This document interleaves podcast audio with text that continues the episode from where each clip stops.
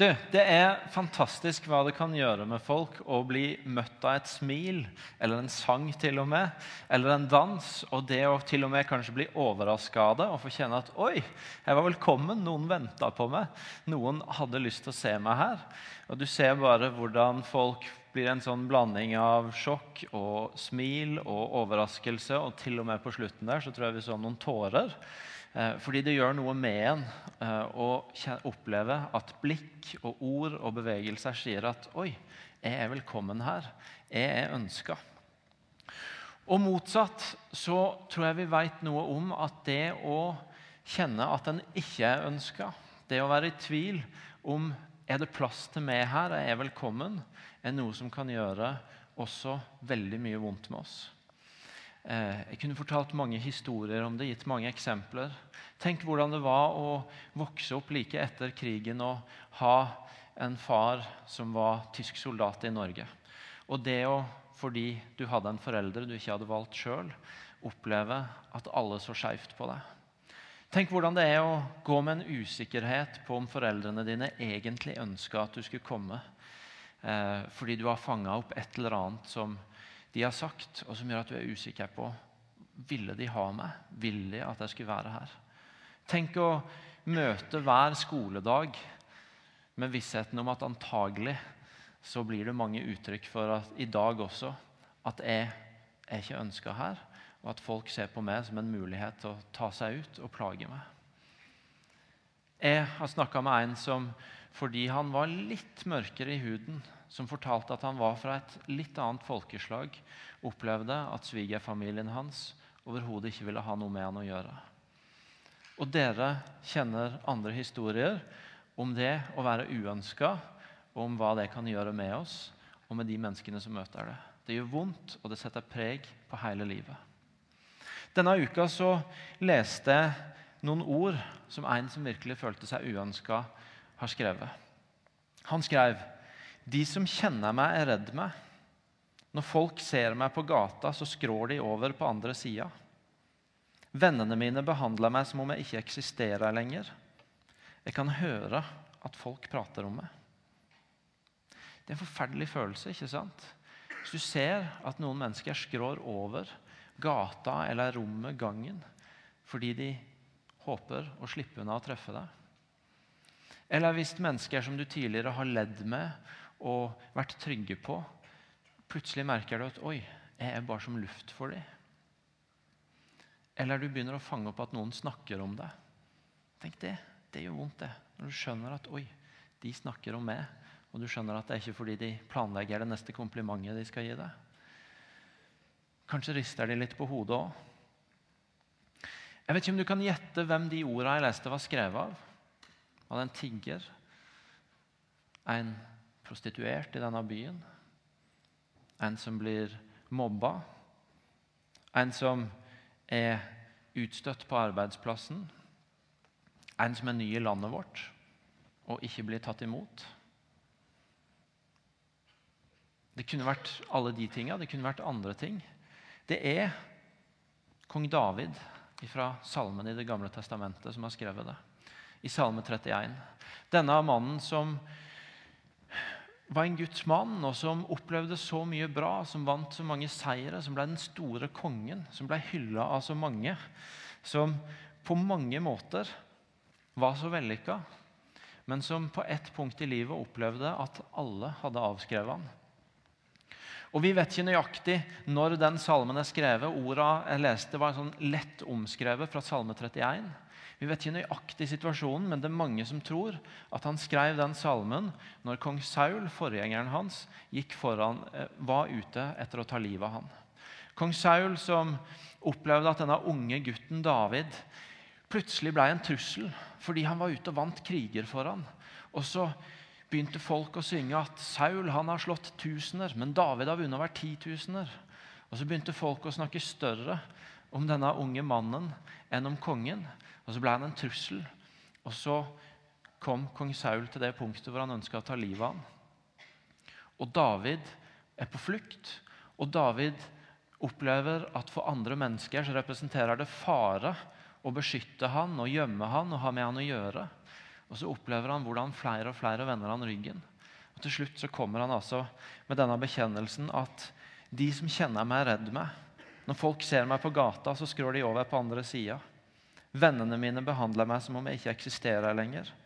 Jeg kan høre folk prater om meg. Jeg tipper at alle vi her inne har erfaringer på et eller annet vis av det å ikke være ønska. Det er ikke sikkert at situasjonene er like ekstreme som eksemplene jeg har nevnt. Enten fra litt nyere tid eller fra Davids liv. Men den der usikkerheten på er det plass til meg i dette rommet. Er det ønskelig at jeg er her, eller hadde de hatt det enda bedre hvis jeg ikke var her? I sterkere eller mindre grad så tror jeg de fleste av oss har kjent det og erfart det. Og jeg tror vi vet nok om det til å vite at det gjør noe med oss. Det er vondt å merke at folk ikke vil møte blikket ditt. Det er vondt å merke at folk ikke forholder seg til deg. At det ikke er plass til deg i sirkelen. Det gjør vondt. Det gjør noe med alle av oss når vi utsettes for det. Og kanskje er det et av de største problemene vi har i mange sammenhenger i dag. Kanskje er det noe av det som gjør aller mest med oss. At for ofte og i for mange sammenhenger så opplever noen av oss at her var jeg ikke ønska. Her var det ikke plass til meg. Og det gjør noe med oss. David han skriver om noe annet i salmen enn det jeg leste i stad. Det er det andre ord også i den salmen. Den begynner nemlig med noe helt annet. I starten så sier han, 'Herre, jeg søker min tilflukt hos deg. La meg aldri bli til skamme.' 'Fri meg ut i din rettferdighet. Vend øret til meg. Skynd deg og redd meg.' Når jeg leser de orda der, så slår det meg hvor utrolig fortrolig David er med Gud. Skynd deg, frels meg. Kom an, Gud. Det er ikke noe forbehold, det er ikke noe unnskyldninger. Det er ikke noe 'hvis det passer nå, Gud', eller 'kunne du tenke deg, Gud', eller har jeg lov til å spørre om dette, Gud? Det er skynd deg! Frels meg. Veldig umiddelbart, veldig direkte. Veldig tydelig at David er helt fortrolig med at han kan gå rett på hos Gud, rett inn til han, og tømme hjertet sitt og si akkurat det som er på, på, hjertet hans. Og Akkurat nå haster det. Akkurat nå er han utålmodig. Det er travelt. Gud, du må hjelpe meg. Og da er han så umiddelbar som han trenger å være.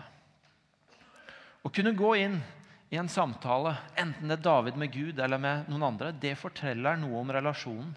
Det forteller noe om at det er en relasjon, et vennskap, hvor det er trygghet, hvor en vet at en er velkommen, hvor en vet at det er ok å bare gå rett på uten forbehold og si at nå er det dette det handler om. Nå er det dette jeg har behov for å snakke om. Skynd deg, hør meg, frels meg. Det sier noe om relasjonen. Og for David sin del så betyr det at David er veldig trygg på at Gud vil høre han. At han er ønska hos Gud. At det er ok for han å komme rett inn. Og Kontrasten til de som skrår over gata når han kommer, er veldig stor. Kontrasten mellom en relasjon hvor han bare kan gå rett på og si akkurat det som ligger der, og steder hvor han opplever at når han kommer, så går mennesker omveier for å slippe unna han. Det er en veldig stor kontrast. Jeg er pappa til strålende Elia. Han ble fire år på tirsdag. Og eh, faren var like begeistra over pakkene som sønnen, selvsagt. Ehm, og når den dagen kom, når tirsdagen kom, som han har gleda seg lenge til Han har egentlig gleda seg helt siden første juledag til en ny dag med pakker og hva han ønska seg. og sånn, eh, Så våkna han kvart på seks, og meldinga er bare 'Pappa, er det bursdag nå? Kan jeg åpne en pakke her nå? Eh, og det er ikke noe sånn Du, pappa, er det litt tidlig? Skal vi vente litt? Eller pappa, vil du ha sovet litt til først? Eller pappa, skulle du satt på en kaffe før, og så kan vi ta de pakkene etterpå? Det er jo ikke noe forbehold. Det er bare rett på. Pappa, er det bursdag nå? Kan vi åpne pakkene nå? Rett på. Litt seinere på dagen så kommer noen naboer som vi eh, holder på å bli bedre og bedre kjent med på døra og har med en pakke til han. Og Da er det så vidt han tør å se det i øya. Det er så vidt han klarer å mumle fram et takk etter litt sånn påtrykk fra foreldre som vil at det skal være litt høflighet her. i hvert fall. Det er så vidt han får det fram. Men når det er pappa han snakker med, som han vet hvem er, og som han vet at elsker han, så er det ingen forbehold, det er ingen mumling. Det er bare 'Pappa, er det bursdag nå? Kan jeg åpne pakker?' Relasjon, trygghet på at en er ønska, viser, viser seg hvordan en relaterer. Og David ser vi er så trygg på at han er ønska av Gud, at han har den posisjonen overfor Gud som Elia har overfor meg, bare at Gud er en enda bedre pappa enn jeg er, sånn at han kan bare rope ut Gud, skynd deg, frels meg, jeg trenger deg nå. Han har den posisjonen. Og startpunktet for at jeg og du skal bli trygge, og for at vi skal vite at vi er elska, at vi er villa, at vi er velkomne i denne verden, det er å vite at vi er ønska av Gud.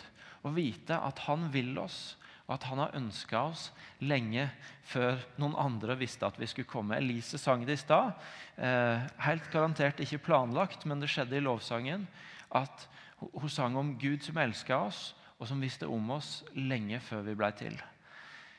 Vite det det første punktet på veien til å vite at i denne verden så er du velkommen. Og La oss bare for å få litt grep på det, litt bilde til det, forhold til det. La oss bruke en veldig enkel illustrasjon. Vi skal få bildet opp her eh, på tavla. Dette er Google Earth. Eh, dette er jorda, om du skulle være i tvil. Og En kan jo lure på hvordan ser Gud på Imi-kirka i Stavanger. Når han tenker på Imi i Stavanger, ser han dette bildet? Eller kan det hende at han zoomer litt mer inn og begynner å kanskje kretse inn mot Europa, kretse inn mot Norge? etter hvert. Kanskje begynner han å nærme seg Rogaland og til og med Vestlandet. Vestkysten eh, sørvestkysten.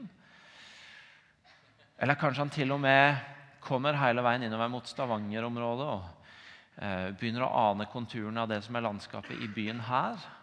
Begynner til og med å se noen av bygningene, kanskje har han mosvann eller stokkavann inni, i, inn blikket sitt.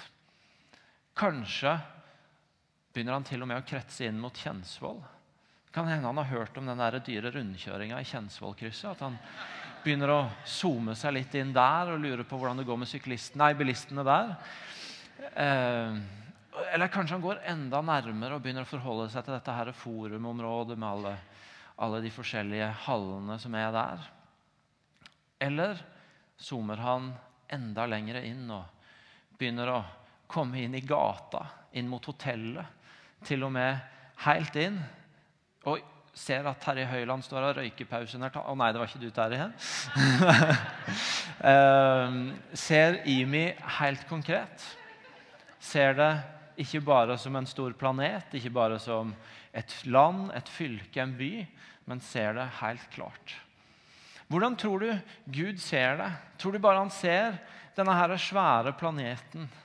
Eller bare det landet du er en del av? Eller Tror du til og med om han kommer inn i dette rommet, at han bare ser den folkemengden jeg ser nå?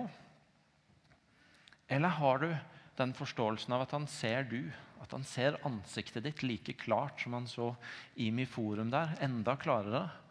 At han ser ditt blikk, han møter ditt blikk. Du er ikke bare en i mengden, du er ikke bare en på planeten.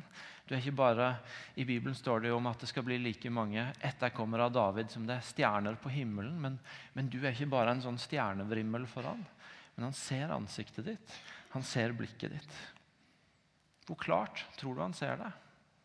Vet du at du er ønska av Gud? Det er første punkt på veien mot å vite at du er ønska. Men det er et stort men. Det jeg har sagt nå, er bra.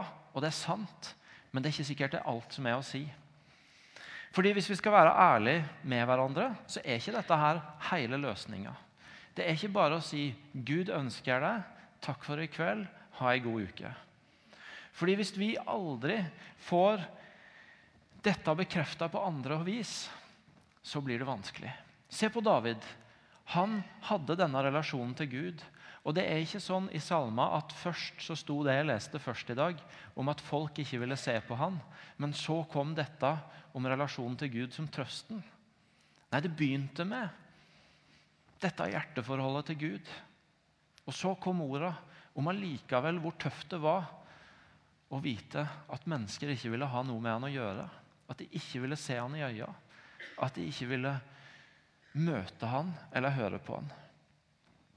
Han har relasjonen til Gud. Men ordene som vi nettopp leste, er allikevel ikke hele løsninga på problemet hans, nemlig at andre mennesker ikke vil møte ham. Du og jeg vi kan komme inn i denne kirka og vi kan høre fra en taler at vet du noe, Gud elsker deg, og du er ønska. Vi kan erfare i lovsangen at Gud er her. Vi kan gå til forbønn og oppleve at der møtte Gud oss, og han gjorde noe. Men hvis alt annet som skjer i dette rommet, forteller deg et eller annet om at 'jeg er ikke helt ønska', 'jeg er ikke helt velkommen', så er det spørsmål om hvor lenge det varer. Om hvor lenge du klarer å holde på erfaringa at du ønska.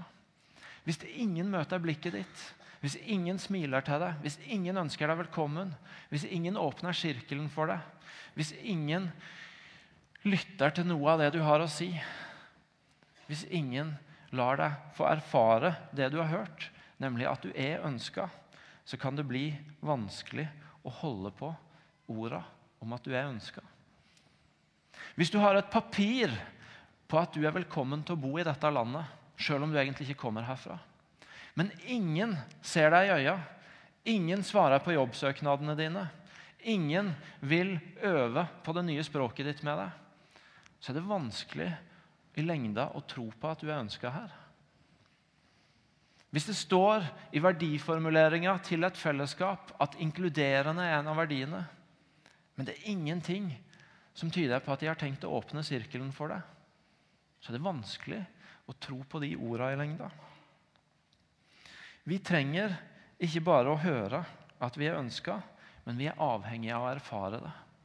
Vi trenger at det blir manifestert i noen smil, i noen håndtrykk, kanskje i noen klemmer, i noen ord, i noen ører, i noe som vitner om det.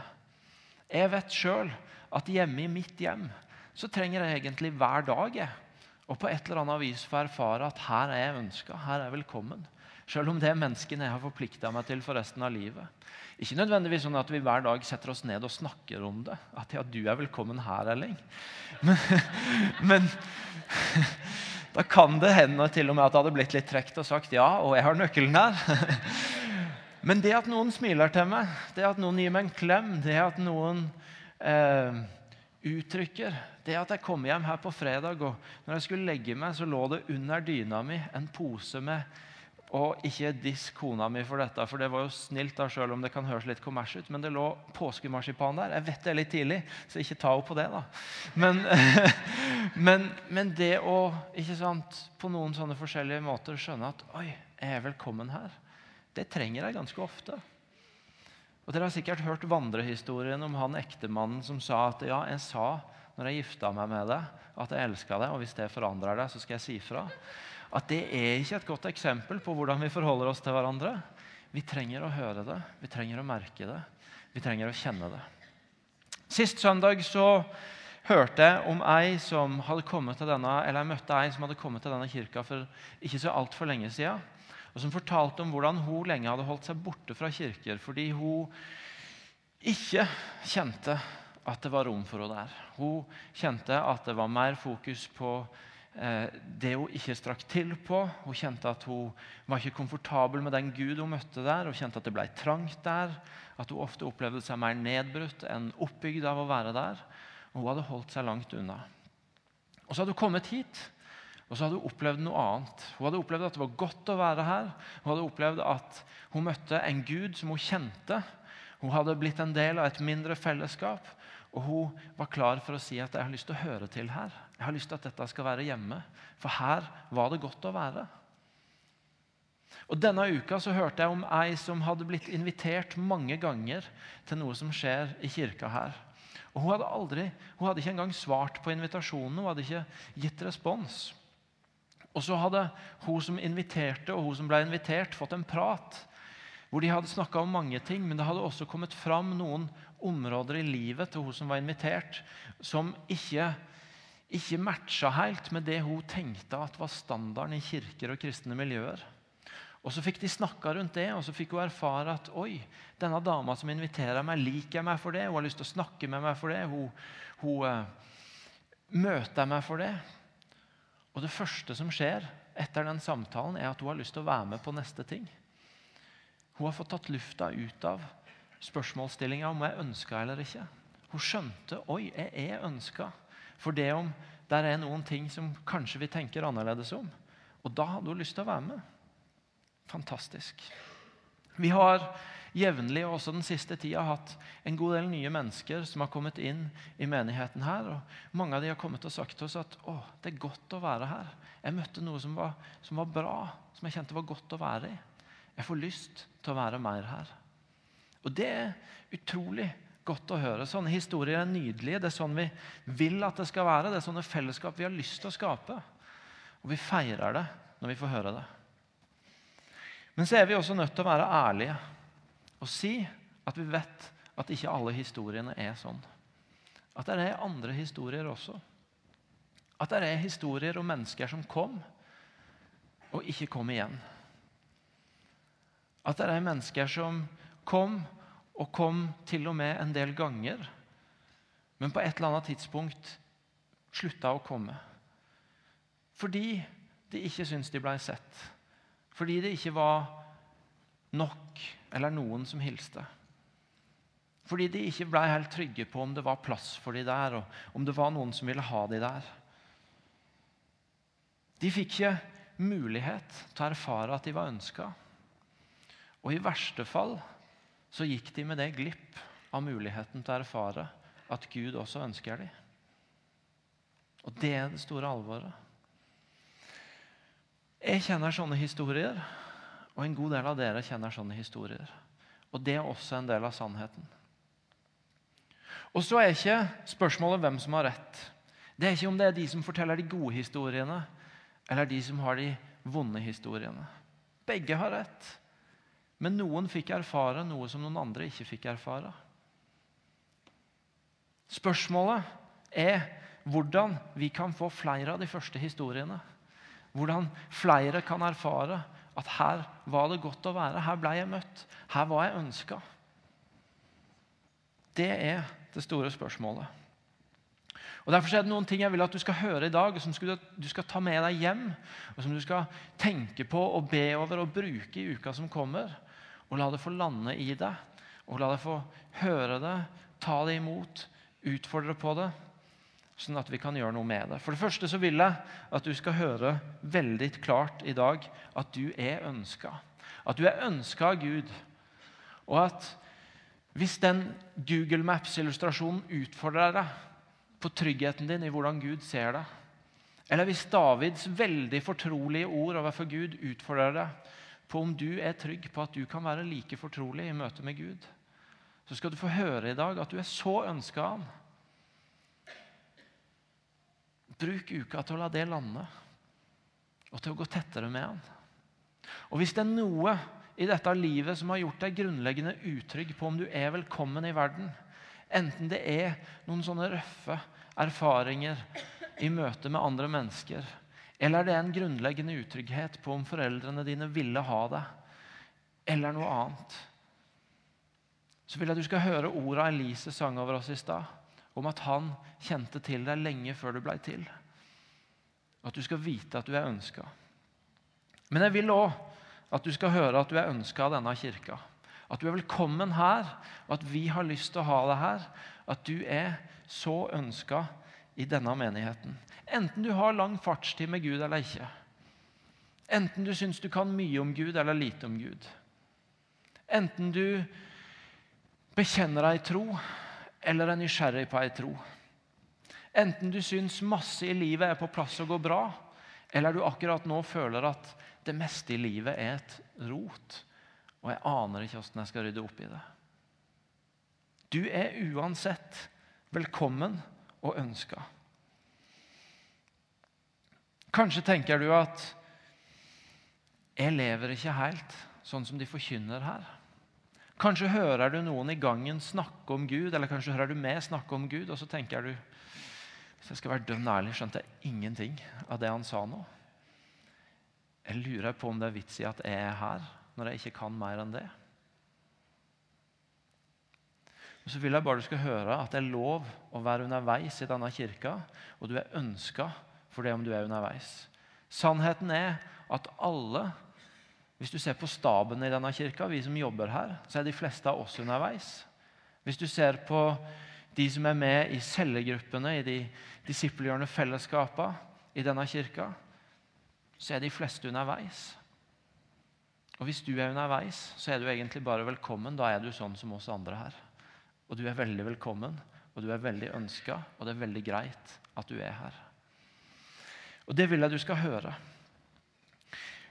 Men det andre jeg vil dere skal høre, dere skal høre at dere ønsker. Men det andre dere må høre, er at hvis disse ordene skal få mening og få liv, så er jeg helt avhengig av dere. Jeg kan som pastor stå her og forkynne alt jeg vil. At dere er ønska, at vi er ønska. Men som vi har sagt, skal det virkelig bli liv, så må vi få erfare det. Og jeg kan ikke alene sørge for at alle dere erfarer det. Eh, jeg skal ikke engang gå inn i en drøfting av min sosiale kapasitet, men bare si at skal alle menneskene i dette rommet kjenne at de er ønska, så er jeg helt, helt avhengig av dere. Jeg er ikke bare avhengig engang av staben i denne kirka, men jeg er avhengig av alle i dette rommet. Det er ikke noe noen få av oss kan klare. Det er noe alle må få til. Alle som sitter i dette rommet, må stå sammen om. Vi må vise hverandre at vi er ønska. Vi må vise hverandre at vi er glad for at du òg er i rommet. Enten jeg kjenner deg eller ikke, så må vi være sammen om det. Og hvis frukten av det jeg nå sier, skulle bli at alle dere satt og tenkte ja, det var godt han sa, nå regner jeg med noen endelig kommer snart, så sorry, da hjelper ikke det heller. Det er faktisk sånn at Enten du har vært der litt eller lenge, så er jeg nødt til å ha deg med på laget. Er nødt til at du hjelper meg. Og, og, det er greit. Det kan godt hende til og med at du har helt rett i at du hadde fortjent at noen kom. For det er ikke så mange som har kommet, og du har til og med prøvd litt uten å helt lykkes. Hva er det du har helt rett i det? Jeg skal ikke ta fra deg det i det hele tatt. Allikevel er jeg helt avhengig av at du blir med på mitt lag i å ønske andre velkommen, i å vise andre at de er ønska, hvis dette her skal funke. For noen år siden, før jeg, jeg har vært i denne kirka i rett over seks år nå, men før det til og med, det betyr for lenge, lenge siden, så eh, hadde man en greie her, har jeg hørt, har det ryktes om, og har jeg dukka hodet mitt ned i. Man snakka om å være en bobber. Man snakka om at man skulle nettopp hjelpe hverandre med dette. Er det noen som har hørt om det å være en bobber? Få se han i været. Ja, det er noen. Veldig bra. At man skulle hjelpe hverandre med å vite at en var ønska med tre enkle praksiser. Blikk. Første ben. Blikk. Det er utrolig hva det gjør at noen ser deg i øya, at noen møter blikket ditt. Jf. David og det å erfare at noen slår blikket ned og skrår over gata. Se meg i øya. Og Det at du begynner å, når du er her, eller når du møter noen som du kjenner her andre steder, at du gir blikket ditt Se i øya. Det kan bety en hav av forskjell. Det at noen vil se meg i øya, kan bety så mye. Så første praksis er et blikk. Det andre O. Og Her har kildene mine for jeg har hatt en undersøkelse om dette i uka som gikk, siden jeg ikke var med selv, har gitt meg to svar, så nå skal juryen felle sin dom på første rad her. Ord eller oppmuntring? Ord. Den andre O-en står, står, for ord. Si hei. Si noe fint. Si at det var fint å se deg. Si at den buksa var fin, eller si at du har så godt smil, eller at jeg blir glad for å se deg. Spør åssen det går. Gi ord som forteller, som åpner opp, som forteller at her er du ønska. Og til sist be en berøring. Det kan jo høres utfordrende ut for enkelte nordmenn med intimsoner og slike ting. Men det er faktisk lov å ta på folk av og til. Du trenger jo ikke begynne helt nært, men du kan jo begynne med ei hånd på skuldra. Eh, eller med en håndhilsing. Det er faktisk av og til utrolig godt at noen bare tar deg på skuldra. Og ved siden av smilet, blikket og heiet, åssen går det? La meg få kjenne at oi, han tør å nærme seg meg. Han tør å forholde seg til meg. Blikk, ord, berøring. Og dere aner kanskje at det må komme, siden vi snakker om det, og siden jeg sier at jeg er avhengig av dere. Vi må reise oss opp, og så må du øve. Reis dere opp. Og siden det er en viss stigning i programmet, så skal dere få begynne med noen blikk. Ta og Se deg rundt og møt noen blikk. Og det er lov å smile.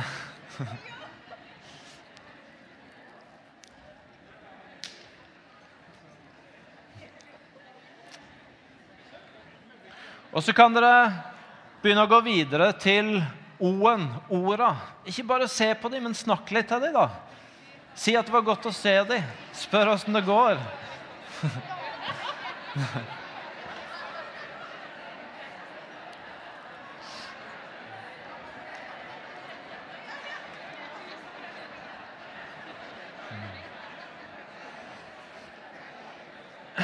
Og eh, etter hvert som vi begynner å bli varme i trøya, så er det den siste B-en, da, berøringa. Og du får sjøl velge om det er handa på skuldra eller en god klem. Trenger ikke gå så mye lenger enn til klemmen.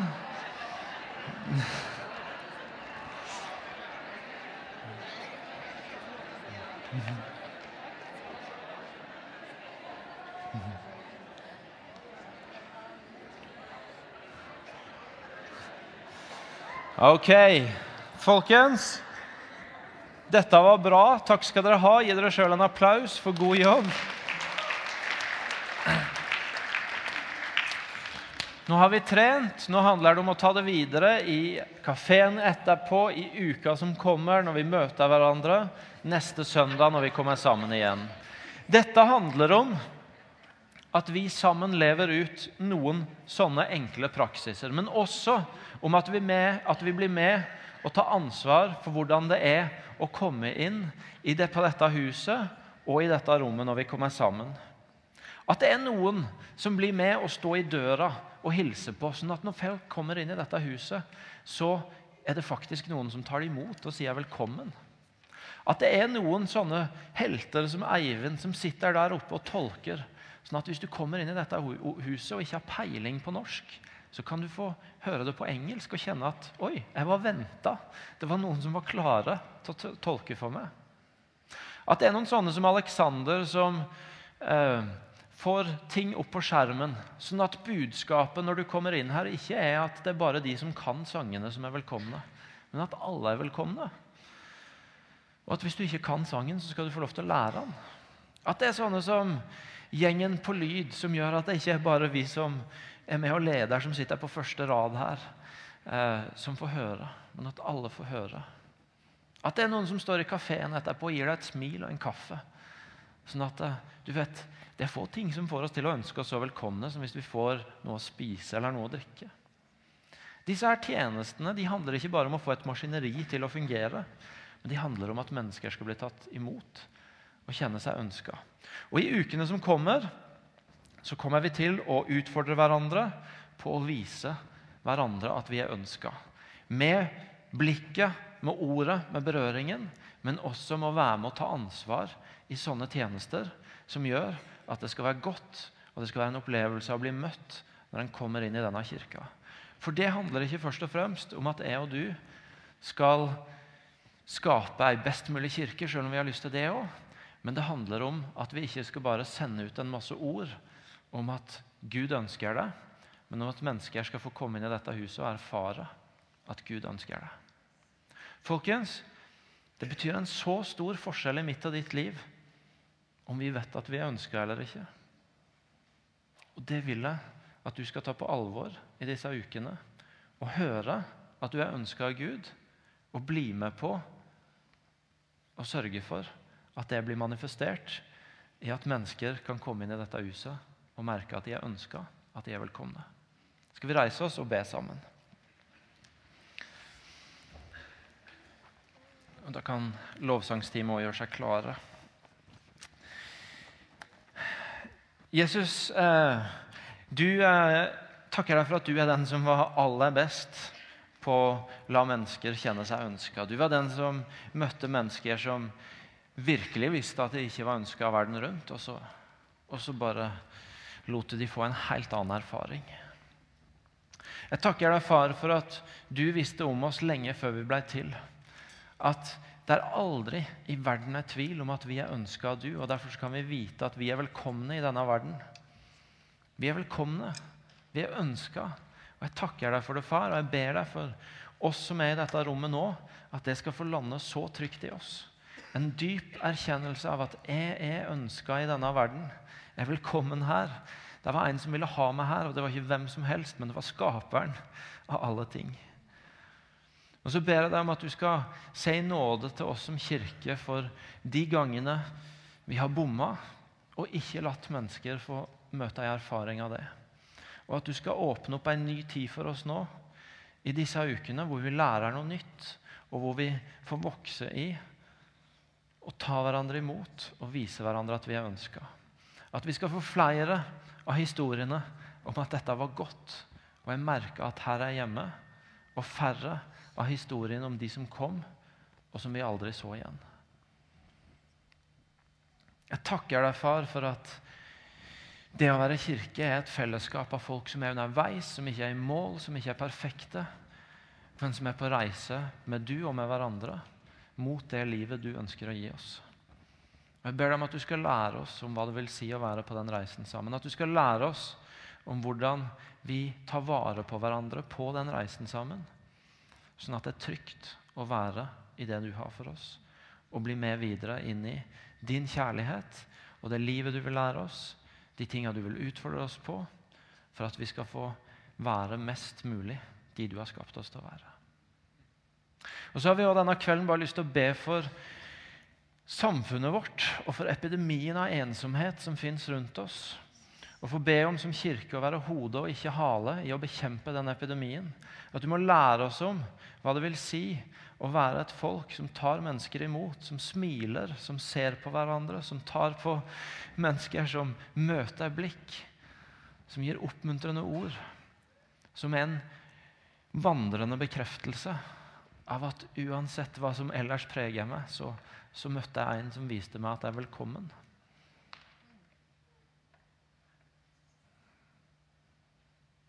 Vi ber deg om at du skal lede oss inn i det, far. At du skal vise oss det. Amen.